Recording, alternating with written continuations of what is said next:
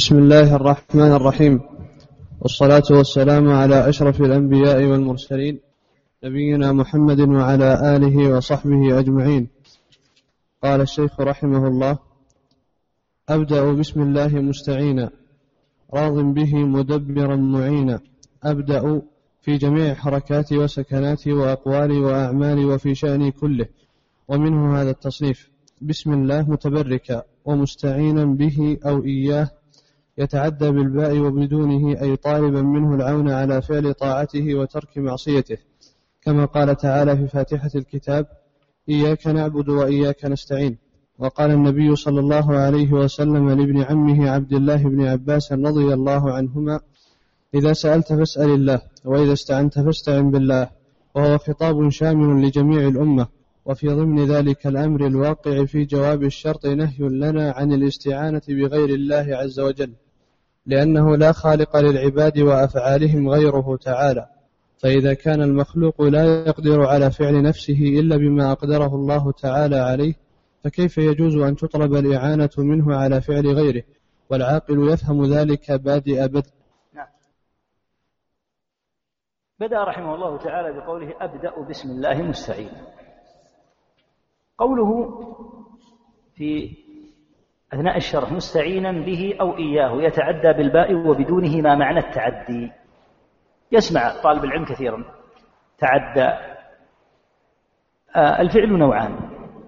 فعل لازم وفعل متعدي. الفعل اللازم هو الذي تتم الجملة به ولا يحتاج إلى مفعول. تقول جاء محمد. انتهت الجملة. فعل وفاعل. الفعل المتعدي يحتاج إلى مفعول به. أخذ محمد ما تمت الجملة ماذا أخذ؟ الكتاب. تعدى إلى مفعول.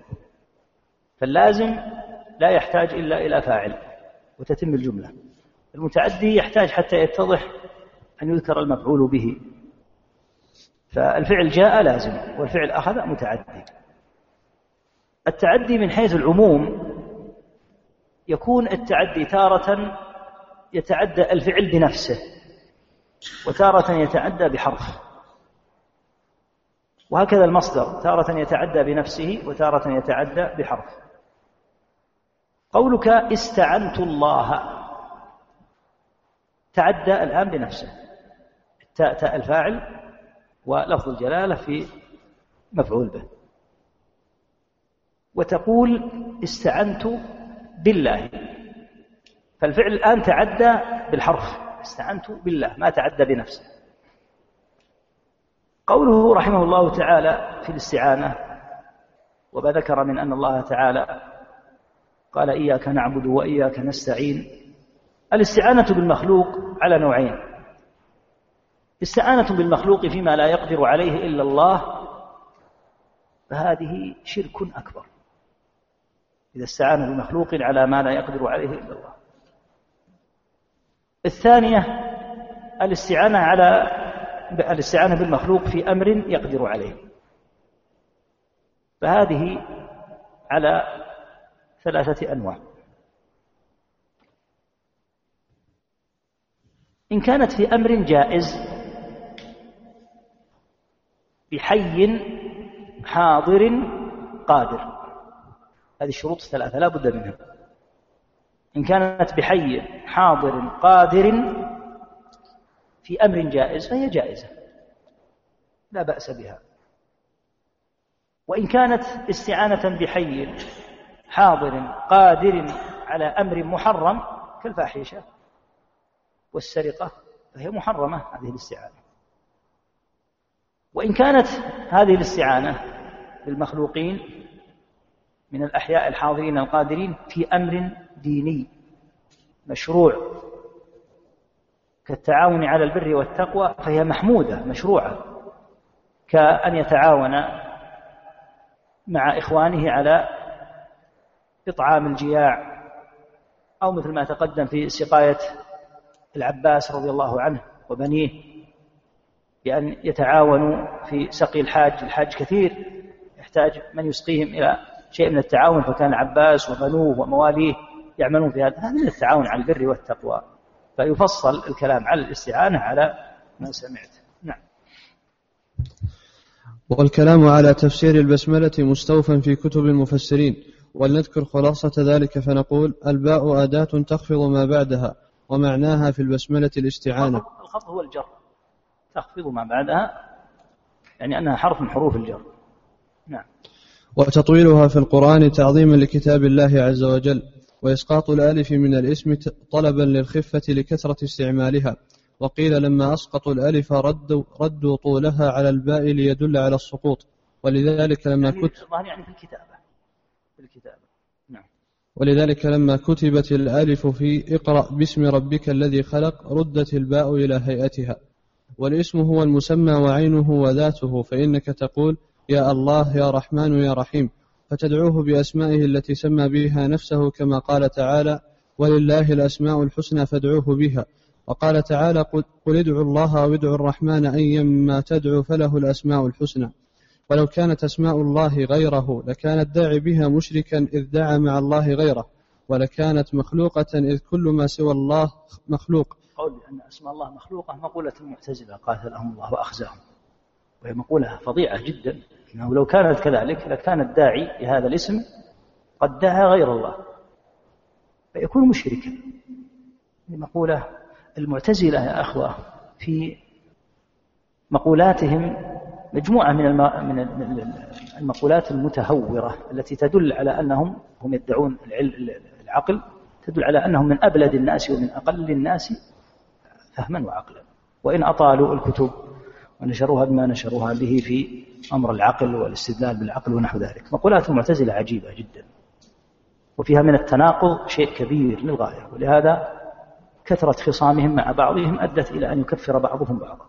فرق المعتزلة يكفر بعضها بعضا. كثرة نزاعاتهم وخصوماتهم فهذه مقولة فظيعة جدا. أسماء الله تعالى لا يقال فيها عياذا بالله إنها مخلوقة وكل شيء من الله أسماء الله وصفاته لا يقال إنها مخلوقة. الا ترتب على ذلك أن من دعا هذا الاسم المخلوق يكون مشركا. وكل ما سوى الله عز وجل فهو مخلوق. أما الله تعالى أسمائه وصفاته فليس بمخلوق. سبحان الله عما يقول الظالمون علوا كبيرا. نعم. وهذا هو الذي حاوله الملحدون في أسماء الله تعالى وصفاته تعالى الله عما يقولون علوا كبيرا. وسيأتي بسط القول في ذلك إن شاء الله تعالى في الكلام على الأسماء. الله علم على ذاته تبارك وتعالى. وكل الأسماء الحسنى تضاف إليه كما قال تعالى ولله الأسماء الحسنى. وقال تعالى الله لا إله إلا هو له الأسماء الحسنى. ألا ترى أنك تقول الرحمن من أسماء الله تعالى والرحيم من أسماء الله ونحو ذلك؟ ولا تقول الله من أسماء الرحمن. هذا الاسم هو أعظم الأسماء على الإطلاق. الله سبحانه وتعالى. وهو علم على الرب تبارك وتعالى وقيل إنه اسم الأعظم كما سيأتي. لأنه يوصف بجميع الصفات سبحانه وبحمده كما قال الله هو الله الذي لا إله إلا هو عالم الغيب والشهادة هو الرحمن الرحيم هو الله الذي لا إله إلا هو الملك القدوس السلام المؤمن إلى آخر الآيات. يقول ابن كثير رحمه الله فأجرى الأسماء الباقية كلها صفات لله تعالى. وهذا لعظمة هذا الاسم. ولهذا مثل ما ذكر رحمه الله تقول من أسماء الله الرحمن. ولا تقول من أسماء الرحمن الله. لأن الاسم الأعظم هو الاسم أجل أسماء الله أجل هذه الأسماء هو اسم الله. ولهذا لعظمته فإنك تقول الله الرحمن الرحيم الملك القدوس. فمع أن هذه أسماء إلا أنها أجريت وصفا لهذا الاسم العظيم الله. نعم. وقال النبي صلى الله عليه وسلم إن لله تسعة وتسعين اسما مئة إلا واحدة من أحصاها دخل الجنة. واختلفوا في كونه مشتقا أو لا. ذهب الخليل وسيبويه وجماعة من أئمة اللغة والشافعي والخطابي وإمام الحرمين ومن وافقهم إلى عدم اشتقاقه لأن الألف واللام فيه لازمة. فتقول يا الله ولا تقول يا الرحمن. فلولا أنه من أصل الكلمة لما جاز إدخال حرف النداء على الألف واللام.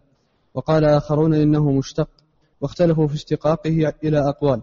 أقواها أنه مشتق من أله يأله إلهة فأصل الاسم الإله فحذفت الهمزة وأدغمت اللام الأولى في الثانية وجوبا فقيل الله. ومن أقوى اختلف هل هو اسم مشتق أو غير مشتق؟ فذهب بعضهم إلى أنه غير مشتق والمعروف أنه مشتق. من أله يأله إلهة أي عبد يعبد عبادة. قوله هنا حذفت الهمزة وأدغمت اللام يعني همزة إله. لما دخلت ال صار الإله الإله.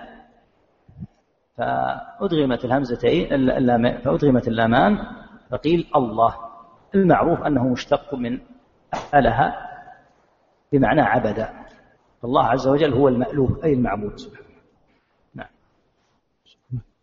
ومن أقوى الأدلة عليه قوله تعالى وهو الله في السماوات وفي الأرض مع قوله عز وجل وهو الذي في السماء إله وفي الأرض إله ومعناه ذو الألوهية التي لا تنبغي إلا له ومعنى أله يأله إلهة أي عبد يعبد عباده فالله المألوه أي المعبود. ولهذا الاسم خصائص لا يحصيها إلا الله عز وجل وقيل إنه هو الاسم الأعظم. الرحمن الرحيم. اسمان مشتقان من الرحمة على وجه المبالغة ورحمن أشد مبالغة من رحيم فالرحمن يدل على الرحمة العامة كما قال تعالى الرحمن على العرش استوى والرحيم يدل على الرحمة الخاصة بالمؤمنين كما قال تعالى وكان بالمؤمنين رحيما ذكره ابن جرير بسنده عن العزرمي بمعناه. وفي الدعاء المأثور رحمن الدنيا والآخرة ورحيمهما والظاهر المفهوم من نصوص الكتاب والسنة أن اسمه الرحمن يدل على الصفة الثانية الذاتية من حيث التص... يدل على الصفة الثانية. عندي يدل, على الصفة الثانية الذاتية. إيه نعم. لا شك الظاهر الصفة الذاتية. نعم. أقرأها يا شيخ الثاني يدل على الصفة الثانية الذاتية من حيث اتصافه تعالى بالرحمة. ما ما الصفة الذاتية نعم يدل على الصفة الذاتية من حيث اتصافه تعالى بالرحمة. واسمه الرحيم يدل على الصفة الفعلية من حيث إيصاله الرحمة إلى المرحوم. ولهذا قال تعالى وكان بالمؤمنين رحيما. أي وكان بالمؤمنين رحيما. إنه بهم رؤوف رحيم. ولم يأت قط إنه بهم رحمن. ولم يأت قط. ولم يأت قط إنه بهم رحمن. ووصف نبيه محمد صلى الله عليه وسلم بأنه رؤوف رحيم. فقال تعالى حريص عليكم بالمؤمنين رؤوف رحيم. ولم يصف قط أحدا من خلقه أنه رحمن. فتأمل ذلك والله أعلم. الرحمن الرحيم. مشتقان من الرحمة؟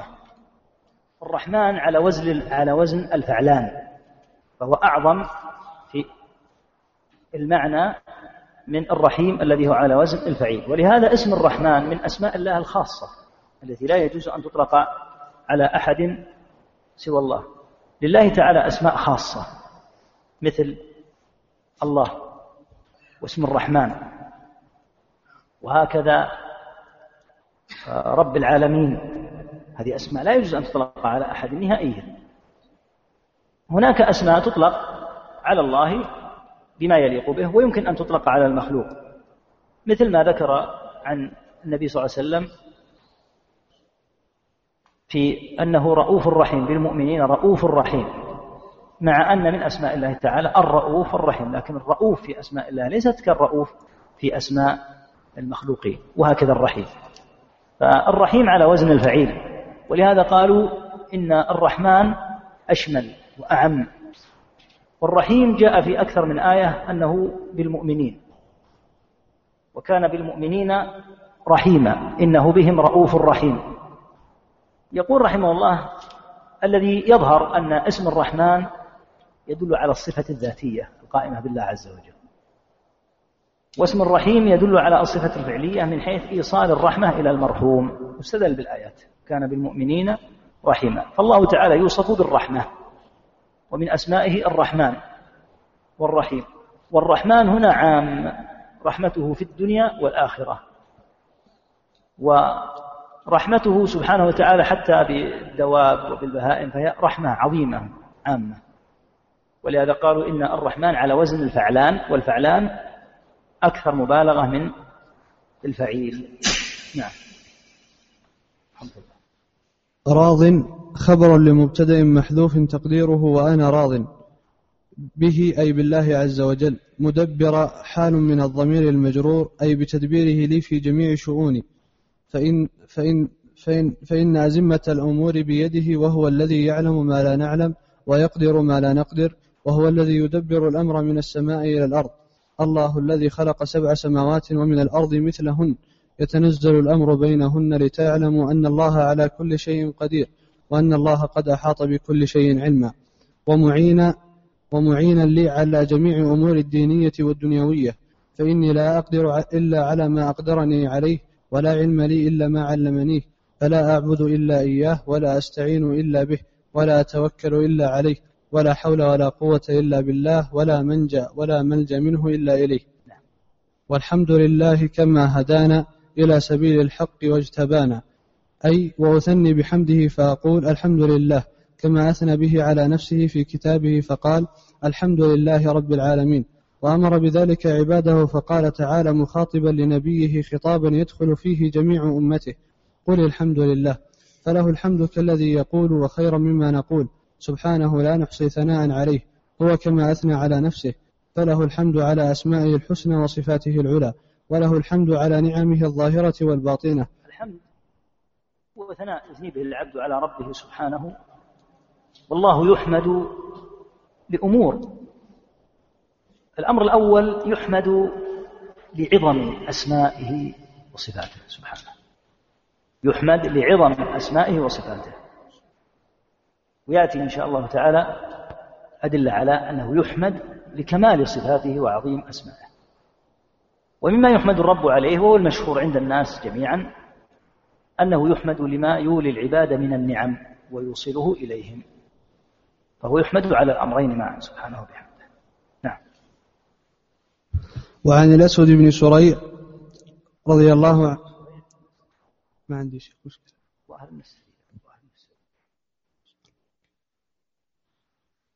وعن الأسود بن سريع رضي الله عنه قال قلت يا رسول الله ألا أنشدك محامد حمدت بها ربي تبارك وتعالى؟ فقال صلى الله عليه وسلم أما إن ربك يحب الحمد. رواه أحمد والنسائي. نعم ينبغي أن يلاحظ هذا. رب العالمين يحب الحمد. مع استغنائه عن حمدي وحمدك. سبحانه وبحمده. لكن لأنه أعظم من يحمد أن يحمد. أصدق. حمد على الإطلاق هو حمد الله والناس يتحامدون فيما بينهم كثيرا. ويكون في هذه المحامد ما الله به عليم من الكذب والتدليس ويغفل كثيرون عن حمد الله. الله يحب الحمد وهو أهل الثناء والمجد عز اسمه. فينبغي أن يحمد الله. والشعراء هؤلاء الذين أمضوا أشعارهم في مدائح فلان وفلان ينبغي أن يبقوا لأنفسهم من محامد الله لهذا جاء الأسود رضي الله عنه وقال النبي صلى الله عليه وسلم ألا أنشدك محامد؟ حمدت بها ربي. قال أما إن ربك يحب الحمد. سبحانه فينبغي أن يحمد الله بالشعر وبالنثر وأن يتداول حمده سبحانه وينشر بالأمة ويعلم عليه الصبيان والصغار وأن يكثر من حمده ويلهج بحمده وشكره. له الحمد والشكر. نعم. وعن الحكم بن عمير رضي الله عنه وكان له وكانت له صحبة قال قال رسول الله صلى الله عليه وسلم إذا قلت الحمد لله فقد شكرت الله فزادك. رواه ابن جرير. وعن جابر بن عبد الله رضي الله عنهما قال قال رسول الله صلى الله عليه وسلم أفضل الذكر لا إله إلا الله. الشيخ عبد الله جبت الكتب هذه؟ وزعوها. جزاك الله خير. قال رسول الله صلى الله عليه وسلم أفضل الذكر لا إله إلا الله. وأفضل الدعاء الحمد لله. رواه الترمذي والنسائي وابن ماجه وقال الترمذي حسن غريب. وعن أنس بن مالك رضي الله عنه قال قال رسول الله صلى الله عليه وسلم ما أنعم الله على عبد نعمة فقال الحمد لله إلا كان الذي أعطى يعني من هدايته للحمد أفضل مما أخذ رواه ابن ماجه وللقرطبي عنه إلا كان الذي يرجع ما أنعم الله. كيف شيخ؟ أعد ما أنعم الله على عبد ما أنعم الله على عبد نعمة فقال الحمد لله إلا كان الذي أعطى. عندي أعطي. الظاهر أنها أعطي. هذا الذي يظهر. إلا كان الذي أعطي يعني العبد أفضل مما لاحظت آخره؟ أي أفضل مما أفضل مما أخذ. الذي يظهر أن الأمر للعبد إذا كان الذي أعطي لذلك فسرها بقوله يعني من هدايته الحمد أفضل مما أخذ مما أخذ العبد. من المجهول شيخ. الذي يظهر أنها أعطي. يظهر أنها أعطي. الذي يظهر أنها أعطي. لعلك تشوف ضبطها. مراجعها إن شاء الله. سم. وللقرطبي عنه عن النبي صلى الله عليه وسلم قال لو أن الدنيا بحذافيرها في يد رجل ثم قال الحمد لله لكان الحمد لله أفضل من ذلك. قال القرطبي وغيره أي لكان إلهامه الحمد لله أي لكان إلهامه الحمد لله أكثر نعمة عليه من نعم الدنيا لأن ثواب الحمد لا يفنى ونعيم الدنيا لا يبقى. قال الله تعالى المال والبنون زينة الحياة الدنيا. والباقيات الصالحات خير عند ربك ثوابا وخير أملا. لا شك أن حمدك لله تعالى على أمر. آتاك إياه من صحة في بدن أو نجاح وتوفيق أن حمدك هذا أفضل مما وصل إليك. فإن من التوفيق أن يستعمل العبد في الحمد والشكر. هذا جاء نصوص في فضل الحمادين في القيامة. يعني يستمر يلهج يحمد يحمد الله عز وجل على محامد. سيارتك نعمة ثوبك نعمة نومك نعمة خطوتك إذا رفعتها نعمة فإذا وصلت إلى الأرض ولم تعثر نعمة. أخذك النفس نعمة. إخراجك إياه وعدم تلجلجك وعدم تلجلجه في صدرك نعمة. تريد تعرف هذه النعمة؟ انظر إلى من يصيبه ضيق في التنفس. التنفس هذا الذي بالملايين في حياتك. يمكن ما فكرت فيه. انظر كم يساوي هذا. الدنيا كلها يبذلها هذا الشخص. جميع ما يملك في سبيل أن يتنفس. تقليبك لبصرك نعمة. سماعك بأذنك نعمة. شبعك حيث يجوع الملايين نعمة. شربك حيث يعطش الملايين نعمة. خروج هذا الأذى من بطنك وخروج البول من مثانتك نعمة. لهذا في الحديث الحمد لله الذي أطعم وسقى وسوغه وجعل له مخرجا. شمك نعمة ذوقك نعمة جلوسك قيامك نومك أمنك نعم نعم. ولهذا لا يمكن أن يحصى الحمد لا يمكن أن تحصى النعمة. بأن يجيء عبد لا في الملائكة ولا في الأنبياء ولا في غيرهم ويحمد الله عز وجل كما ينبغي أن يحمد. لأن الله تعالى نعمه أجل وأكبر من أن يحمد عليها الحمد اللائق. فلهذا ينبغي أن يتعود الحمد الحمد لله سبحانه وتعالى. وهكذا ما ينجيك الله من الشرور من حوادث السيارات من كذا من كذا من أمراض هذه نعم. وأخبر تعالى أن من نعمه أيضا نعما ظاهرة ونعما باطنة لم تعلمها أصلا. فيحمد الله تعالى على هذه النعم الظاهرة وعلى النعم الباطنة. لا يمكن أن يحصى حمد الله لا يطاق حمد الله عز وجل أبدا لكن ينبغي أن يكثر أن يكون الإنسان من الحمادين. يكثر من حمد الله وشكره والثناء عليه. وهذا يستوجب من العبد ترك الجزاء وترك شكاية الله عز وجل إلى الخلق. يجلس الإنسان له أربعين خمسين سنة ما دخل المستشفى ثم يجري عملية في هذه السنين فيجلس لا يذكر إلا هذا الذي أصابه أو حادث السيارة الذي أصابه. وتلك الأميال التي بمئات الآلاف ما أصابك فيها شيء نسيتها. ينبغي أن يلحظ العبد حمد الله وشكره والثناء عليه سبحانه وأن لله نعما ظاهرة ونعما باطنة وأنها لا تحصى. فيكثر من حمد الله تعالى وشكره. نعم.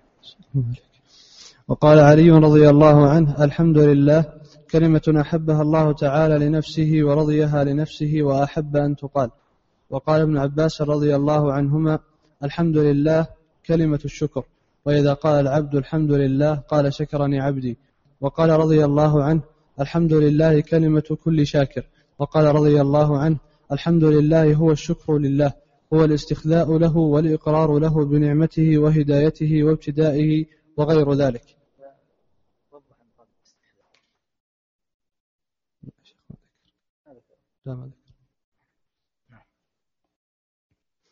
وقال الضحاك الحمد لله رداء الرحمن. وقال كعب الأحبار الحمد لله ثناء الله. وفي معنى الحمد لله وفضلها آثار غير ما ذكرنا لا تحصى.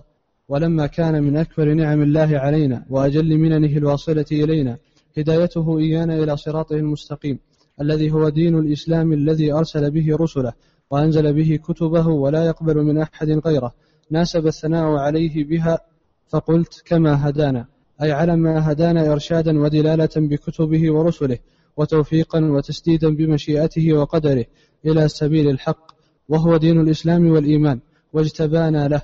وبذلك قال تعالى ممتنا علينا وله الحمد والمنة واذكروه كما هداكم وإن كنتم من قبله لمن الضالين وقال تعالى لقد من الله على المؤمنين إذ بعث فيهم رسولا من أنفسهم يتلو عليهم آياته ويزكيهم ويعلمهم الكتاب والحكمة وإن كانوا من قبل لفي ضلال مبين. وقال تعالى يا أيها الذين آمنوا اركعوا واسجدوا واعبدوا ربكم وافعلوا الخير لعلكم تفلحون. وجاهدوا في الله حق جهاده. هو اجتباكم وما جعل عليكم في الدين من حرج. ملة أبيكم إبراهيم. هو سماكم المسلمين من قبل وفي هذا ليكون الرسول شهيدا عليكم وتكونوا شهداء على الناس. فأقيموا الصلاة وآتوا الزكاة واعتصموا بالله. هو مولاكم فنعم المولى ونعم النصير. ولما كان الحمد الخبري أبلغ من الإنشائي لدلالته على الثبوت والاستمرار قدمته عليه أولا ثم عطفت عليه الإنشائي جمعا بينهما فقلت أحمده سبحانه وأشكره ومن مساوي عملي أستغفره. أحمده أي أنشئ له حمدا آخر, آخر متجددا على توالي نعمه وتواتر فضله فله الحمد كما ينبغي لجلال وجهه وعظيم سلطانه.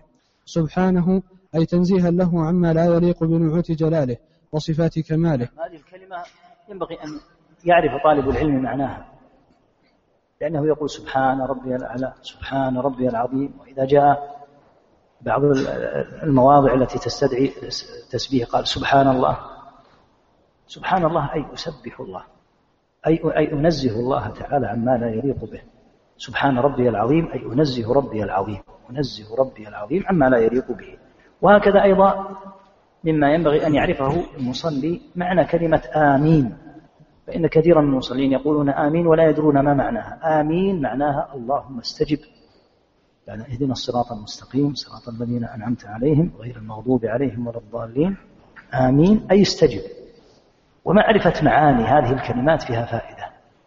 لأن هذا أوقع وأيسر لأمر التدبر والتفكر في الصلاة.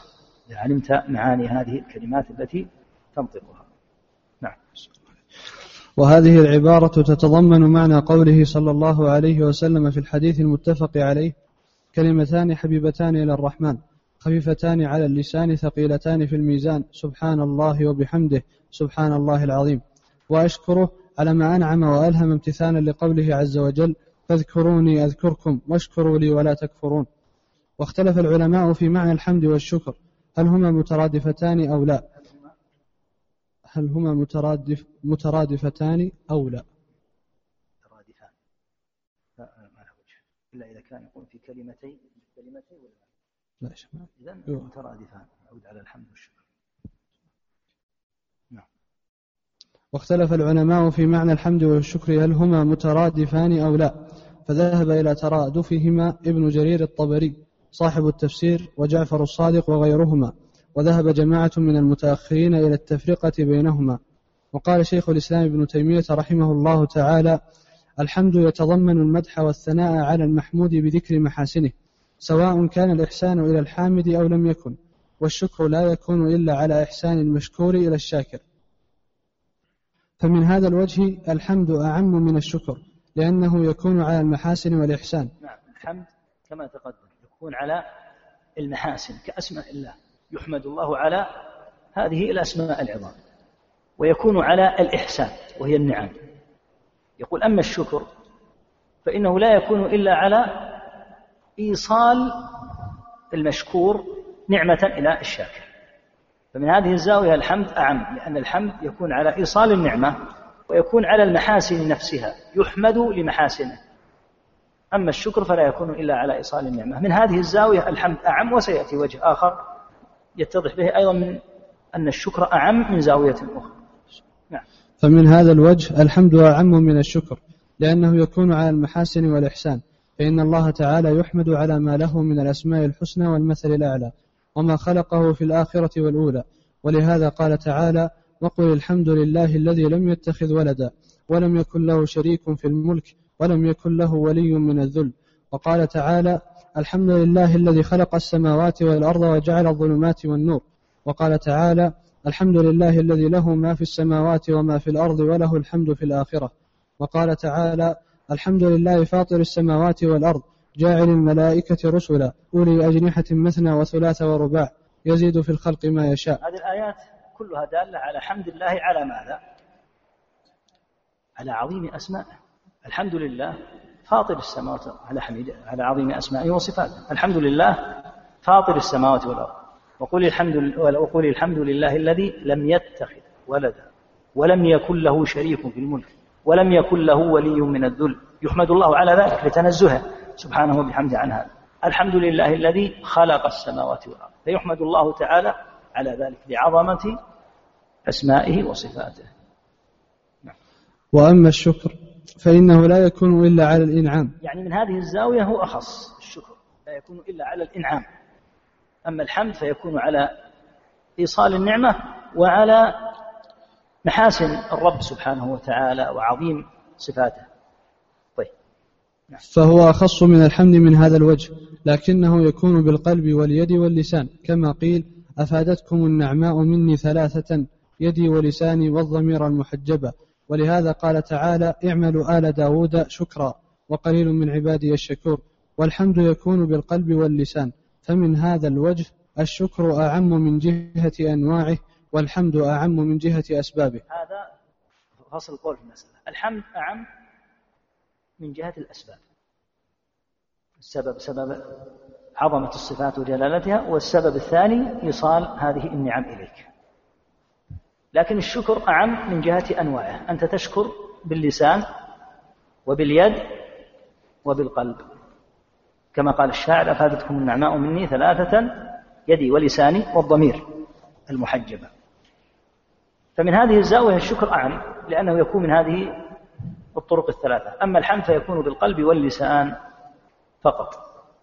فيكون الشكر أعم منه من هذه الزاوية. نعم. وفي الحديث الحمد لله رأس الشكر فمن لم يحمد الله لم يشكره. وفي الصحيح عن النبي صلى الله عليه وسلم أنه قال إن الله لا يرضى عن العبد أن يأكل الأكلة فيحمده عليها.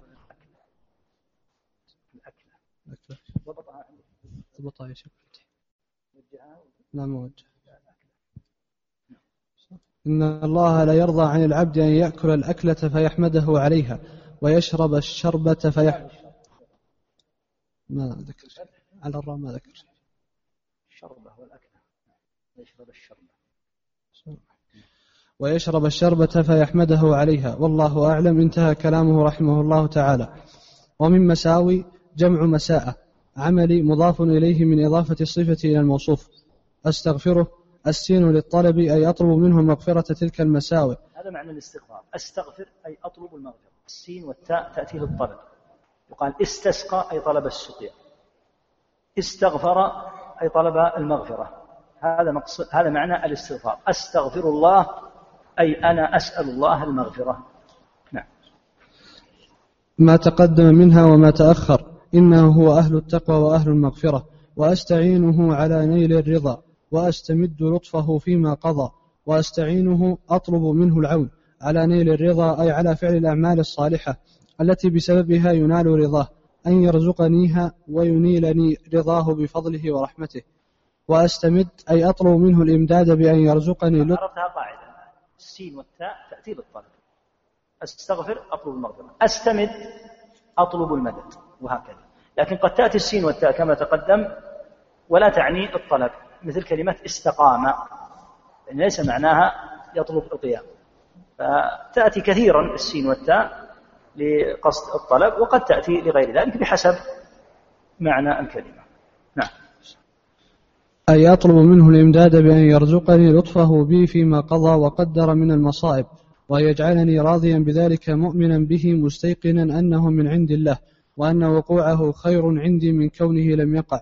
وأن يهدي قلبي كما قال تعالى ما أصاب من مصيبة إلا بإذن الله ومن يؤمن بالله يهدي قلبه والله بكل شيء عليم. وكما قال صلى الله عليه وسلم وأسألك الرضا بعد القضاء الحديث. فإن ذلك أعلى درجات الإيمان بالقدر وهو الرضا بالمصيبة.